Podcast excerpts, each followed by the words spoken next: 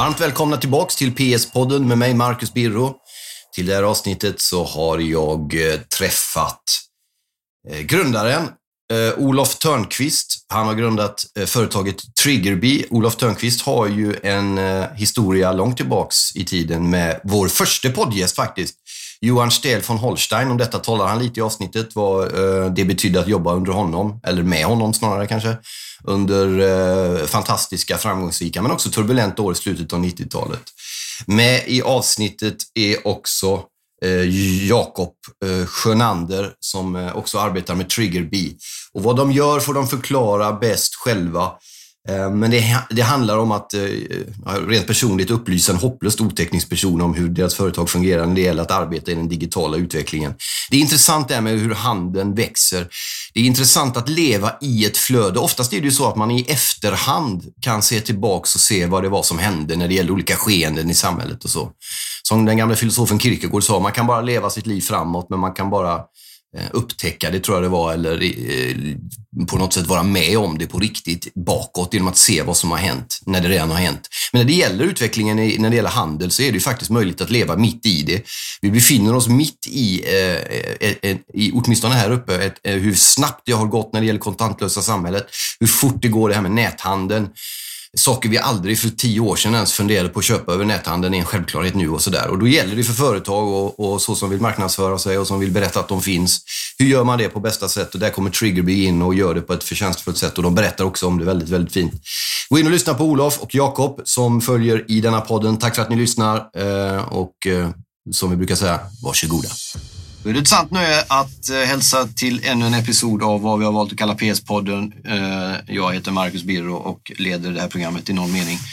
Förhoppningen är dock att jag ska lämna över ledarskapet till de jag träffar i någon mening för att få lite sköna sådana nya insikter i entreprenörsvärlden.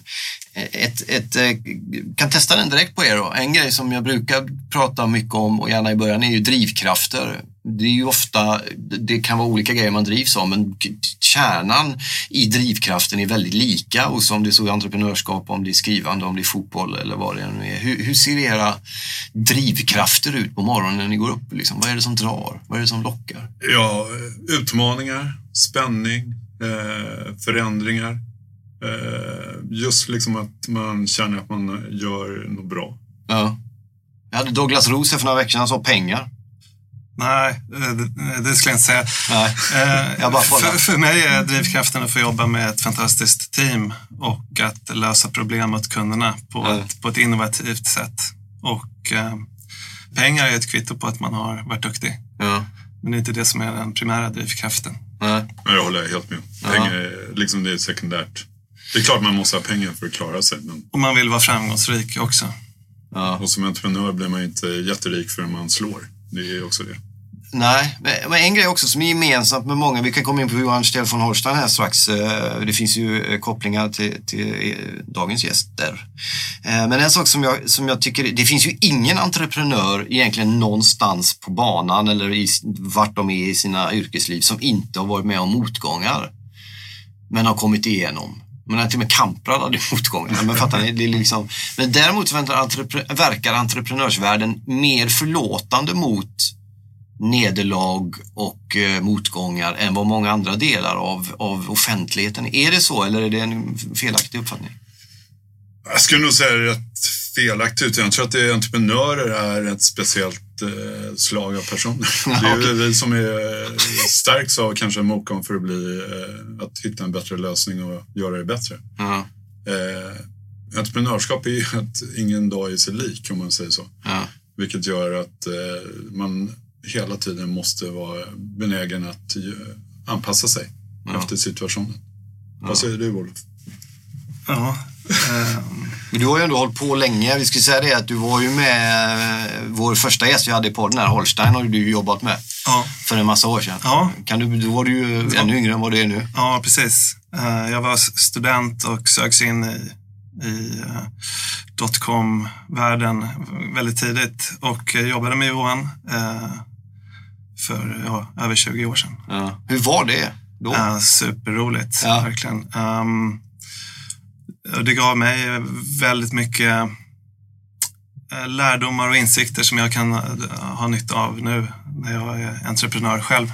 Vad är det då som du kan använda nu som du lärde dig då? Det var, ju, var du med över hela resan, både upp och ner eller var du med upp och sen hoppa? Ja, jag var väl med, med väldigt tidigt här i Stockholm och sen så fortsatte jag i, i, till Spanien efter några år eh, Ah, okej. och jobbade eh, för Icon i Spanien. Ja. Ehm, och eh, slutade där väl kort innan nedgången kan man säga. Såg du det komma eller var det andra anledningar som gjorde att du... Nej, jag ville, jag ville jobba som egenföretagare. Ja, okej. Eh, Så att det, jag, jag, jag såg kanske inte omedelbart att uh, vart det barkade, men, Nej. Eh, men ja, det var andra skäl som gjorde att jag slutade. Nej, jag tyckte att det, det var en spännande tid och att vad jag har med mig, eh, Johan var väldigt duktig på att eh, bygga team och en vi-känsla. Ja. Och eh, att, man, att våga och, och det har jag haft med mig. Ja. Det här med att bygga team och ledare och sånt där, är det, är det, liksom, finns det, är det alltid av vikt att ta täten i det man bygger eller går det också bra att bygga och sen underordna sig och vara en del av? Förstår ni vad jag menar? Kan man vara liksom både ledare och grovjobbare på mittfältet samtidigt? Ja, det tycker jag är en viktig egenskap. F- jag tror att man, eh, man leder genom att eh, in, inte att styra utan att ge bra förutsättningar men också föregå med bra exempel. Ja. Men om man har byggt upp något som är ens eget, sen blir det större, blir fler som är inblandade, man måste, börja- man måste lita på att andra gör det lika bra som man då själv tycker att man har gjort och bevisligen har. Hur lyckas man med det? Det känns som en jobbig grej. Måste jag lämna över det här till Britt? Ja, det är klart det är jobbigt, men det är Det är också... inget fel på Britt, men du vet, man är ju rädd. Ja, men det är klart det är jobbigt. Men det är samtidigt, du kan ju inte göra allting själv. Nej. Du måste hitta ett bra team och jobba och lära dig samarbeta. Och Olof är ju huvudgrundare, jag är co-founder. Och Ja. jag har ju kommit in genom att jag är duktig på försäljning och den biten. Ja. Och det gör ju att då har vi hittat ett bra samarbete Ja. som funkar. Ja. Nej, det har varit en resa för mig att, att eh, eftersom jag har jobbat många år helt egen också, att våga eh, släppa in andra och, och lämna över uppgifter och ansvar. Eh, och det, men det är absolut en förutsättning och, och, eh, för att klara av att växa på ett bra sätt. Ja. Så det, är, det är en viktig lärdom. Man måste liksom. Man måste och Eh, var vara noga med att förklara vad, som, vad man förväntar sig och också sen ge förutsättningarna för en medarbetare att kunna leverera på det. Ja. Eh, vi ska strax komma in på eh, det ni gör och det ni sysslar med eh, och så. Och jag, men jag tänkte bara så här, spelar det någon roll vad det är man gör? Eller är det entreprenörskapet i sig som är grejen liksom? Så jag tror att det spelar roll, definitivt. Ja. Du måste ju brinna för det. Det måste vara någonting som eh, kunderna gillar. Eh, som du ser en möjlighet att eh, ständigt utveckla vidare med. Ja. Eh, jag skulle till exempel inte kunna jobba med vissa branscher. Det är ju just därför att eh, det skulle inte kännas rätt för mig. Vilken av typ? Säg någon. Nej, men eh, liksom att själv... Ja, jag är ju gambling och håller på med och vissa av de här grejerna som kanske inte anses så korser. Ja. här gillar man ju. Ja. så är det. Nej, men, och sen så är det ju det spännande med det vi gör är att vi träffar alla typer av kunder. Ja. Och det ger ju också den här känslan av att man har hittat en lösning som kan hjälpa alla. Ja. Och det tror jag är viktigt. Trigger B då? Ska vi ta en, en, en eh, inte nödvändigtvis korta, men den uh, kärnfulla vägen? Vad, vad, är, vad gör ni? Vad är ni för något? Vad, vad handlar det om? Det är en mjukvara, en produkt Ja. som gör att våra kunder eh, får en bättre marknadsföring och sälj, eh, försäljningskanal. Ja. Och den, hur går den till? Vad, vad betyder det? Vad Mm. gör man som Mm. företag?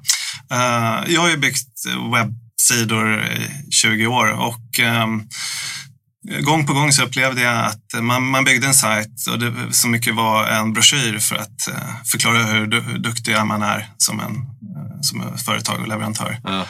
Um, men jag eh, såg ett behov att här skulle man kunna göra betydligt mer.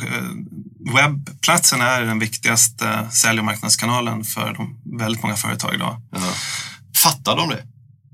Nej, inte, det, det det, har ju ökat nu på senare år och det är därför vi har varit framgångsrika också. Då. Ja. Ehm, Men eh, vi har, eh, vad jag ville göra med Triggerbee var att ge företagen möjlighet att komma närmare sina besökare på sin, sin viktigaste säljkanal, eh, webbplatsen. Att förstå vilka som är där, vad de är intresserade av och när. Och på så sätt också kunna ge för våra kunder verktyg att bli bättre på sin försäljning eh, men också marknadsföring genom att anpassa kommunikationen med kunderna med bättre timing. Ah, lite beroende på vem det är som klickar in och kollar. Mm, precis. Mm. Eh, så man undviker att spamma alla med ett och samma budskap hela tiden. Mm. Och då, här, att man riktar in sig mer på vem det är som varit på sidan och när och vad den personen har varit ute efter så kan man rikta lite. Så. Ja, precis. Exakt. Ja, Okej. Ehm, är det någon skillnad på de här företagen då som, som anlitar er och, och behöver hjälp med om vilken typ av företag de är? Hur mycket de är insatta i hur viktig den är. Jag får en tanke av att om man har fysiska butiker så ser man det mer som en reklam, en pil till vart de ska gå. Medan de som är på nätet fattar att det här kanske, är det skillnad där? Ja, jätteskillnad. Det är, alltså, vad som har hänt är att man har ju pratat väldigt mycket marketing automation. Ja. Och marketing automation är ju ett eh, ganska komplext eh, område där man tror att eh, bara man köper in ett system så har man löst det här. Ja. Det är fortfarande väldigt mycket strategi och kunskap som krävs för att göra det här rätt. Mm. Och kunderna är ju väldigt eh, små företag, har inte samma resurser som kanske ett stort företag. Medan stora företag kanske har en beslutsprocess som tar väldigt lång tid mot Ja. ett litet som tar ett snabbt beslut. Så det är enorm skillnad på kundernas kunskap och eh, möjligheter. Vad, ser, vad är det ni ser då hos någon som går in på en hemsida för ett företag som säljer fotbollströjor till exempel? Vi- Vilket lag de går efter? Eller vad, vad, nu kommer den, jävla, den här GDR-lagen, stökar den till det för er med? Eller, eller hur, hur, gör ni det? Hur, hur går mjukvaran till rent praktiskt? Liksom? Mm. Ja, GDPR ja. Ja, så heter den. Ja. Vad sa jag? GDR? Ja. ja, det är som vanligt. Ja, förlåt. Nej, men det, är, det är en viktig lag eh, därför att den eh, skyddar individen och, och skapar mer jämlikt förhållande mellan en, en webbplatsägare och besökarna. Um, och um, vi kan se om man har handlat där tidigare och, om man är prenumerant i nyhetsbrevet till exempel eller om man är okänd och då anpassa eh, kommunikationen. Till exempel att en person som inte prenumererar på nyhetsbrevet kan få upp ett budskap om att börja. Eller en person som har handlat där tidigare kan få en lojal, loj, lojalitetsrabatt eller liknande. Så svaret är att vi kan se vilket fotbollslag Ja. folk är intresserade av och genom det kan vi rikta kommunikation. Ja. Och det kan vi göra både på sajten, att skicka upp ett budskap och säga vilket lag gillar du förresten? ja, det är Roma. det är- Roma. Ja. Ja. så du går in och kollar på en Roma-tröja. Ja. Men du köper inte den här Roma-tröjan. Så Nej. när du är på väg att lämna sajten eller någonting så dyker det upp ett budskap och säger just nu har vi ett bra erbjudande på den här Roma-tröjan. Och då är det till dig som det är riktat. Samtidigt, okej. om du inte gör något nu så tar vi den här datan också och klär på till e-postsystemet eller ett CRM-system. Vilket möjliggör att då kan man börja säga, nej men hej, du gillar ju Roma, just nu har vi en bra erbjudande här igen. Ja. När vi skickar ett mejl eller någonting. Köp en skitdyr ny matchtröja som ser Exakt. nästan exakt likadan ut som den du redan har. Eller köp en inte-tröja. Ja, ja, ja eller hur. Ja. Eh, vi hade Re, eh, Redeal, Mm. heter de va? Ja. Eh, för några veckor sedan här. Eh, och då pratade vi just lite, lite grann om samma sak. Och då kom vi in på att, med det här med att de skickar ut information om saker. Men då, där fanns det också en betydelse om vem det var som skickade ut information. Det skulle komma från en polare eller en vän eller någon man litar på. Att det fanns den. Tänker ni något sånt? Eller vem, vem avsändaren för informationen som skickas ut kommer, är? Mm. Eller, Nej, det är ju deras, Ja, deras grej. ja. Um, referral marketing och det är också jättespännande. Men det är olika delar av det va? Ni, det här är ju en annan sektion väl? Det är olika, det är inte inne på samma eller? Eller Nej. går det ihop eller? Alltså, vår, vår tjänst lå- låter företagen, både e-handel men även vanliga business-to-business-företag eh, förstå sin målgrupp bättre. Eh, Klä på sin, sina register med kunder och CRM kring hur beteenden är på webbplatsen. Ja, okej. Fattar de det ni fattar? Är de med? Måste ni, är de rädda när ni kommer och säger men de där vill ju bara, eller är, fattar de läget?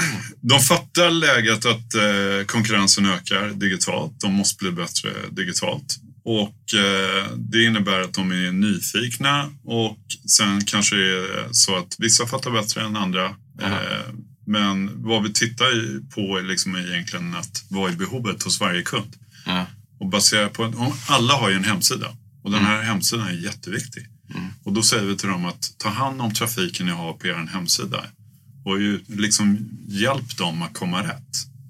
Köpresan idag har ju förändrats och vi pratar om att det är många butiker som stänger igen och man går och handlar i e-handel och så vidare. Och det är ju på grund av att det, vi kan lättare identifiera vad folk är intresserade av och rikta kommunikationen. Och det är det vi hjälper till med. Men, men som en novis i liksom företagsvärlden på alla sätt och vis så blir jag ju bara senaste månaden följt till exempel Hennes och Mauritz som verkar ha blivit tagna på sängen av, av eh, liksom den tekniska utvecklingen och verkar släppa efter. Det är kanske inte helt korrekt återbeskrivning, men lite. Vad, vad handlar det om? De måste väl ha vetat? De är ju störst bland de största. Liksom, i, Ja, men då kommer vi just till det stora bolaget mot det lilla bolaget. Ett litet bolag kan ju snabbt anpassa sig och göra justeringar. ah, okay. Ett jättebolag, det är ju en enorm... Alltså de har ju butiker över hela världen. De har ju, finns på hur många språk som helst. De har ju massa säkerhetskrav som inte andra har. Vilket gör att det tar lång tid att anpassa sig. Ja. Har ni andra plattformar än hems, alltså hemsidor? Det är det som är det centrala. Liksom. För en del av marknadsföringsdelen flyttar ju över så Instagram, influencer, Facebook, Twitter. Absolut, det växer. Sociala medier marknadsföring är ju, har ju växt väldigt mycket. Um, vi representerar, med Triggerbee så representerar vi den andra delen, den ägda kanalen. Ja, just det. eh, Den får man inte glömma bort, den är otroligt viktig. Exakt. När eh, Facebook ändrar sina algoritmer eller Google eh, säljer data till NSA, då är det, är det viktigt att Underbart får det i samma mening, gillar man. Då är det viktigt för företagen att äga sin egen marknadsföringskanal också. Ja. Så, eh, så det får man inte glömma bort. Varför gjorde de det förresten? Just Facebook-grejen tänker jag på mest då. Det är skittråkigt nu. Det är liksom tre, fyra samma statiskt. Det blir liksom så här, Innan var det ju mer drag liksom.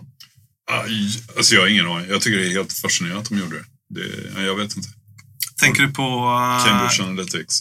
Eller? Ja, men Facebook och äh, de här grejerna. Att man bara får samma och får alltså, mindre flöden i. Och Jaha, så du- återkom på agro, vad heter det, algoritmer. Ja, just det. Algoritmer. Tack. Ja, ehm, Men de måste ju ha haft någon, allt de gör är ju affärsmässigt tanke. Det är ju inte, inte ni meningen jag ska svara på, men jag bara tänkte bolla upp den ifall ni hade någon. alltså, vad, Facebook drog ner synligheten för företagen. Ja, Eh, precis. Bland annat det också. Ja. Nej, ja, de motiv, själva motivet som de gav var att de ville skapa en bättre plats för, eh, för individer att eh, vara på. Mm. Kanske minska kom, kom, kommersen, Ja, okej. kommersialiseringen. ja. Alltså, det, jag säger att det, allt du gör på Facebook, det äger ju Facebook. Exakt. Och vad vi pratar väldigt mycket med våra kunder är att liksom ge inte all data till dem, utan ta hem den och äg den själv. Bygg ditt eget ekosystem. Ja. Och det tror jag är jätteviktigt. Ja.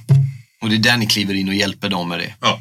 Hur ser, eh, om- man då tar en korta framtid bara om några år, så det här är ju, liksom- handeln är ju något som pågår i realtid närmast, förändringar. Det händer ju så sjukt mycket grejer hela, hela tiden, varje dag. Liksom. Det går så fort också. Hur tänker ni kring det? Liksom? Är det roligt att vara med i den eller är det liksom stressigt? Eller vad, vad, vad ligger i, vad, vad ser ni närmaste tiden framöver? Ja, det är jätteroligt och eh, vi ser liksom att det här är ett större och större behov att göra det här ännu bättre. Och eh, återigen till GDPR, skydda den personliga integriteten och göra det på ett bra sätt. Mm. Så att eh, folk förstår varför de får kommunikation. Att de också har godkänt den här kommunikationen.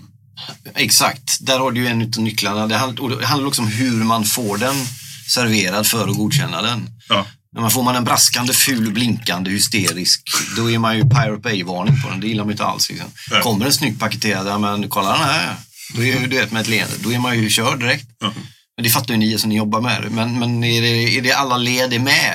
Eller hur känner ni för det? Är alla led med på vad, vad de behöver göra? Liksom? Nej, jag tror Nej. inte. Nej. Nej. Nej. Det är väldigt stora skillnader. Alltså nu pratar vi i världen. Och Ja. eh, det här är ju GDPR i Europa och dess inhemska marknad. Ja. Eh, så, och bara där är ju jättestora skillnader på hur man tolkar olika saker. Ja. Så att det ta, kommer ta tid. Jag hörde att eh, bara, så, eh, bara ett fåtal procent av grekiska företag hade hört, hört talas om nya GDPR-lagen. Ja. I Sverige är vi lite bättre. Ja. Men eh, det tar ju tid att ställa om och, eh, naturligtvis. Hur, eh, det här med också, en annan grej jag tänkte jag har lite koppling till med det kontantlösa samhället. Är ni liksom inne i det med och kollar? Är det liksom också något som kommer upp eller att det kommer bli, det blir väl också att man då leder folk in i näthandel? Eller? Och i andra Ja. delar av Europa, till exempel bara i Sydeuropa, är det mycket mer kontanter än vad det är i Sverige till exempel. Ja. Jag, alltså det, jag skulle säga det är väldigt Jag kan alldeles för lite om det idag. Ja, Eh, men det är klart det finns stort intresse, det är därför det växer. ja, Eh, men tittar man just på i Sverige, vi har ju otroligt bra lösningar för att betala och eh, gå in, ta iSetter nu, dock att det är amerikanskt numera, men det startar här. Vi har Swish som är helt outstanding. Tidigare sprang man runt med kontanter och eh, hade man inte kontanter kunde man inte köpa något när man är på barnens fotbollsmatch och så vidare. Idag tar alla Swish. ja. Och det har Så- gått fort. Ja, och Sverige har ju kommit jättelångt hit. Ja. Men så fort du sticker utanför Sverige, då finns inte de här lösningarna. Nej. Så att jag tror att eh, förändringen kommer ta, lite, kommer ta tid, men det kommer bli lättare och lättare. Ser ni utanför Sverige? Ehm, ja, vi har börjat... Uh, alltså, hittills så har vi haft mest försäljning i Sverige. Ja. Och vi har koncentrerat oss på, på, på Sverige. Ja. Eh, men vi ställer om och ehm, jobbar mer mm, nu aktivt på att öka försäljningen internationellt. Ja. Men två grejer jag tänker på. Det ena är det här för en 10-15 år sedan alla sa att ja, med den nya, då var det ju datorerna och det som slog igenom närmast alltså ordentligt. Man skulle kunna sitta var som helst i Sverige och jobba. Ingen skulle behöva åka in på sina små svettiga, unkna kontor. Utan alla skulle... Men det händer ju inte. Alla åker ju till samma kontor ändå. Jag tänker på handeln då. Nu är den så global och på nätet. Man kan gå, besöka andra världar utan att, eller andra delar av världen utan att gå dit och dator. Men är det ändå att det finns osynliga ramar emellan? Att det är väldigt svenskt när det är Sverige? Är det globalt verkligen handeln? Eller hur, ser det utifrån där ni är? Nej, men man ser ju det, är många e-handlare som växer över hela världen. Eh, på de eh, väldigt liksom, marknader man inte trodde det skulle funka, så funkar det ändå för svenska bolag. Eh, och det tror jag liksom att junior, eller ungdomen som är datavana, Ja. de är i en ny eh, färskare liksom, målgrupp som kan det här och eh, lärt sig. Medan eh, liksom, de kanske mer seniora, Ja. de har, har mycket tid och lärt sig också att handla. Ja. Så att det, jag tror att det sprids rätt snabbt. Ja. Vad tror du? Ja, ehm, Sverige är en hyfsat liten marknad, Ja. men vi är, vi är tillräckligt duktiga för att odla fram riktigt duktiga techbolag. Ja. Och eh, geme- gemensamt för dem är att man har ett internationellt fokus från början. Ja. Eh, man har en bra mogen IT-marknad här i Sverige ehm, och att sen ta steget ut. ehm, eller, eh, eh, det finns en, en, en bra potential här eftersom vi ja, Sver- Sverige är litet och världen är stor och vi har den inställningen från början. Att mm, man vill eh, jobba internationellt. Ja. Man vill eh, med sina lösningar eh, nå ut globalt. Tjänar ni pengar då? Ja, Går det, det går bra? eller? eh, går jättebra. Absolut. Ja. Kan, kan vi ta kort historiken av företaget? Hur länge har det funnits? Och för, liksom, när började det och hur var känslan då ifrån till nu och sånt där? Det gillar man ju. Mm. Ehm, vi började utveckla produkten eh, eh bootstrappat. Det betyder att vi gör det med egna resurser. Eh, vi finansierar det på egen hand eh, och investerar eh, i, i produktutvecklingen själva. Ehm, och börjar få kunder eh, tidigt. Um, och det var i mitt, eh, mitt andra bolag då som jag hade som en digital byrå men sen så träffade jag Jakob i gemensamma eh, kundprojekt och eh, då bildade vi Triggerbee. Ehm, jag såg att Jakob Tre, tre år sedan knappt. Knappt tre år sedan. Ah, fuck vad fort det går allting. Ja. Jakob kompletterade mig på ett väldigt bra sätt. Ja. Eh, så att det kändes eh, jättespännande Hur då undrar vi ju mer? Ehm, Är det temperamentsfråga också? Eller? Nej, bara... Eller det... Ja, alltså, rent konkret kan man väl säga att ja, det, det är försäljning som han är är väldigt duktig på och eh, jag är eh, ingenjören, eh, teknikern. Men också personlighetsmässigt i att eh, jag, eh, Jakob ser möjligheter där jag ser utmaningar. Eh, Okej. och då- Är du svartsynt eller? nej, nej, inte svartsynt, men, eh, nej, men lite mer orolig kanske. Ja, okej. Jag ser eh, riskmoment sådär. och, och tillsammans så, så blir det en väldigt bra balans. Ja. Är han svartsynt? Ja, lite. Ja, okay. Men och det är alltså knappt tre år. Och då, då, alltså vilka garantier fanns då? Jag är intresserad av att komma upp i huvudet på er lite på den alltså, grejen. Det finns inga garantier, utan det är en ny produkt, en ny möjlighet och eh, genom mycket vilja och tro ja. så kan vi skapa en marknad. Men det är inte bara vilja och tro, ni måste ju ha en talang för det. Ni ja, men det bra klart, på det också. Alltså det, Fan, det vi har ju varit med. Jag menar, Olof var ju med på Icon och jag var också med på den, fast dock inte Icon. Då Alltså Airbnb, det skapades i Sverige liksom under 99-2000-talet. Ja. Men tekniken var inte redo då. Ja. Så de här idéerna har funnits väldigt länge. Nu gäller det att sjösätta det och göra det bättre. Och all den här kunskapen man samlar på sig under alla år, då är det klart man kan komma längre. Jag jobbar med e-postkommunikation i tio år, vilket gör att jag har kunskapen om hur det här funkar och vad som är brister. Och det är så jag hittar Olof. Ah, Varför skickar alla så dåliga e-post? Ja, det är riktigt faktiskt. Ja. Ja, kolla din brevlåda. Du har ju hur mycket brev som helst som du inte vill ha. Mm. Och går in i skräpkorgen så kanske det finns något viktigt där. Men det sorteras ju bort för att du inte hittar det. Men varför skickar folk så dåliga kort? Därför att eh, man pratar väldigt mycket kvantitet istället för kvalitet. Ah, okay. Mer, ju fler e-postadresser du har, ju större sannolikhet är det att du får fler affärer tror man. Ah. Men egentligen är det ju kvalitet. Ah. Ju bättre adresser du har, ju mer affärer får du. Ja, det är riktigt. Och då gäller det att ha relevant kommunikation. Men om man då har, det är alltså knappt tre år, då startade ni, var det helt nytt då liksom? Mm. Och nu, hur många är det? Vad händer? Hur... Vi är elva anställda. Shit alltså. Um, och vi har uh, ja, flera hundra kunder. Um, och Växer uh, ja, vi växer. Vi dubblade senaste, vi har dubblat omsättningen senaste året nu. Fuck alltså. Men blir man glad? Jätteglad. Jätteglad.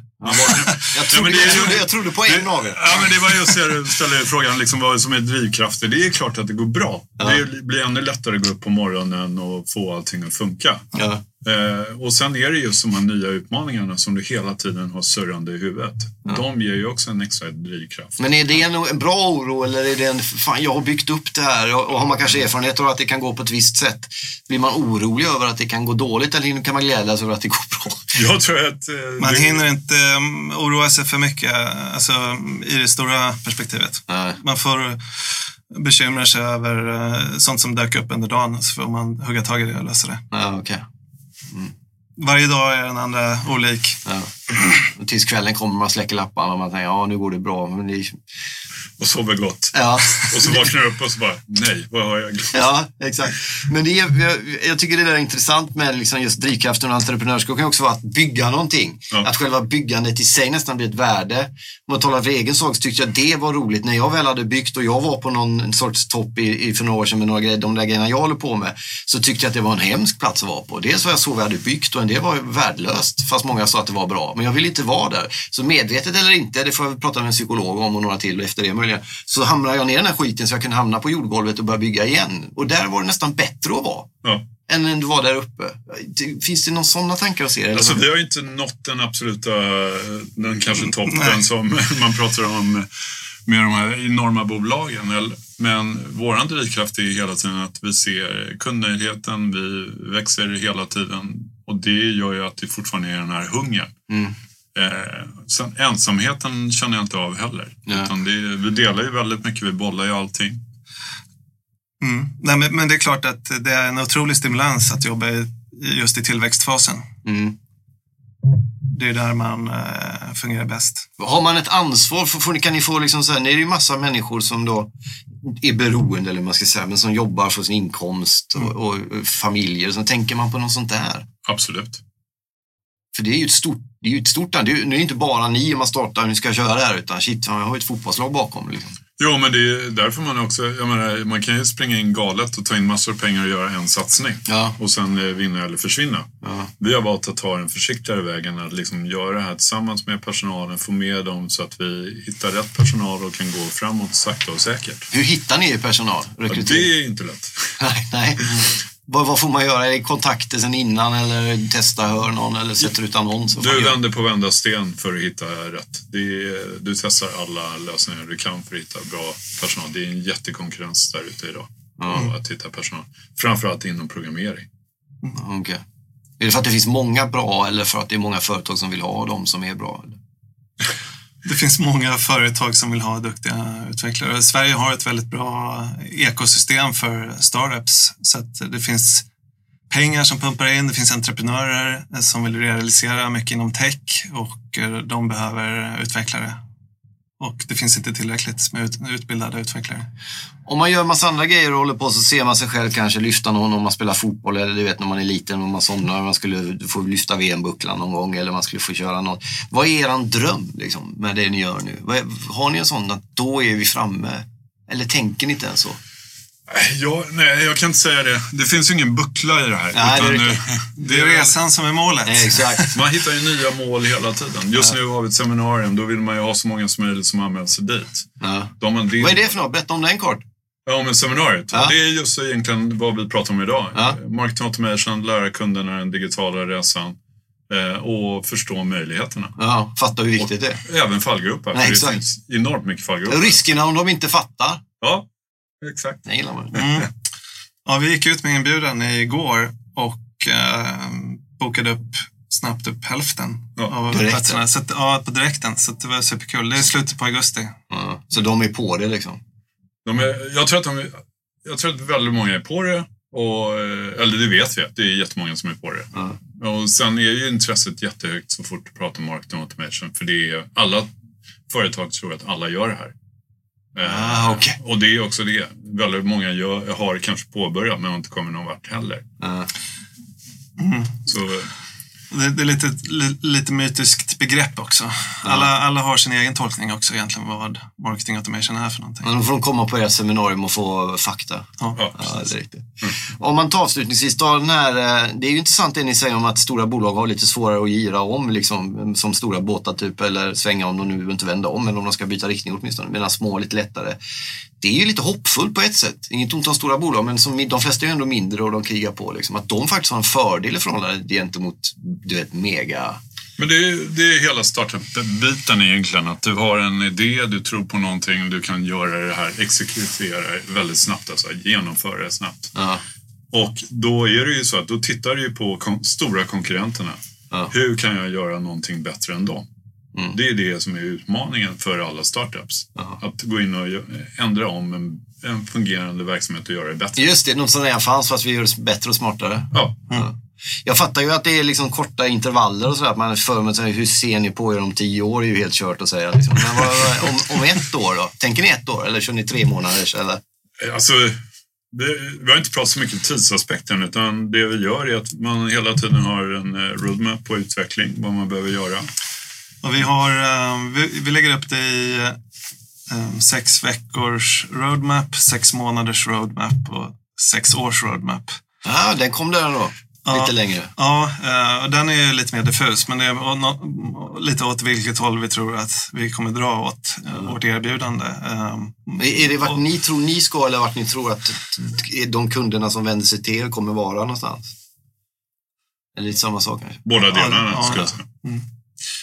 Och sex månader, det är väl lite planering nu när, närmsta tiden. Sex veckorna, det är redan färdig planering Ja. som vi ska exekvera på. Ja. Detta bandas ju midsommarveckan. Är ni lediga några timmar i sommar eller? Hoppas jag. Förlåt? Ja, ja det ska vi ha. Det ska vi absolut ha. Nej, man, man måste ha, kunna ha, eh, ta igen sig eh, och ha pauserna. Det är jätteviktigt. Ja, det är Man blir inte men lång- gör du det? För, det är ju det är viktigt, men är det gör ja, jag gör det. Ja, Jag okej. gjorde, jag hade, det var en period där jag inte gjorde det och, och man mår inte bra man har för mycket att göra. Man, Grej, nej, grejen är att man måste vara ledig även om man älskar det man gör. Det är det Precis. som är problemet. Precis. Ja. Ja, men stort tack för att ni kom hit och förklarade lite från grann vad det handlar om. Eh, och varmt lycka till i fortsättningen med det. Lycka till på seminariet i augusti där. Och, och försök att, ni behöver ju minst fyra veckor nästan, i alla fall tre. Det tar en vecka att landa. Ja, Sen, eller hur? Ja Men du verkligen. melankoliskt lagd kommer ju ofta, de här depressionsgrejerna kommer efter en vecka. Man känner sig meningslös och du vet, det bara regnar och det är sandigt på stranden och sånt där. Sen så vänder det och så har du rätt det bra. Liksom. Ja, om, om det går bra för Sverige i VM så kommer det bli en väldigt bra sommar. Ja, exakt, och det kommer det göra. Det har jag oddsat. Bara vädret som har varit har ju bara varit helt underbart. Så. att- Ja, Det blir lättare att leva. Så det är lite skönt när det regnar ibland. Ja, ja, ja, inte för länge faktiskt, men eh, allt nog. Eh, Stort tack för att ni kom. Varmt lycka till i fortsättningen och, och sådär. Jättetack. Tack, så tack. jättekul att vara här. Ja, vad bra. Hej. Hej.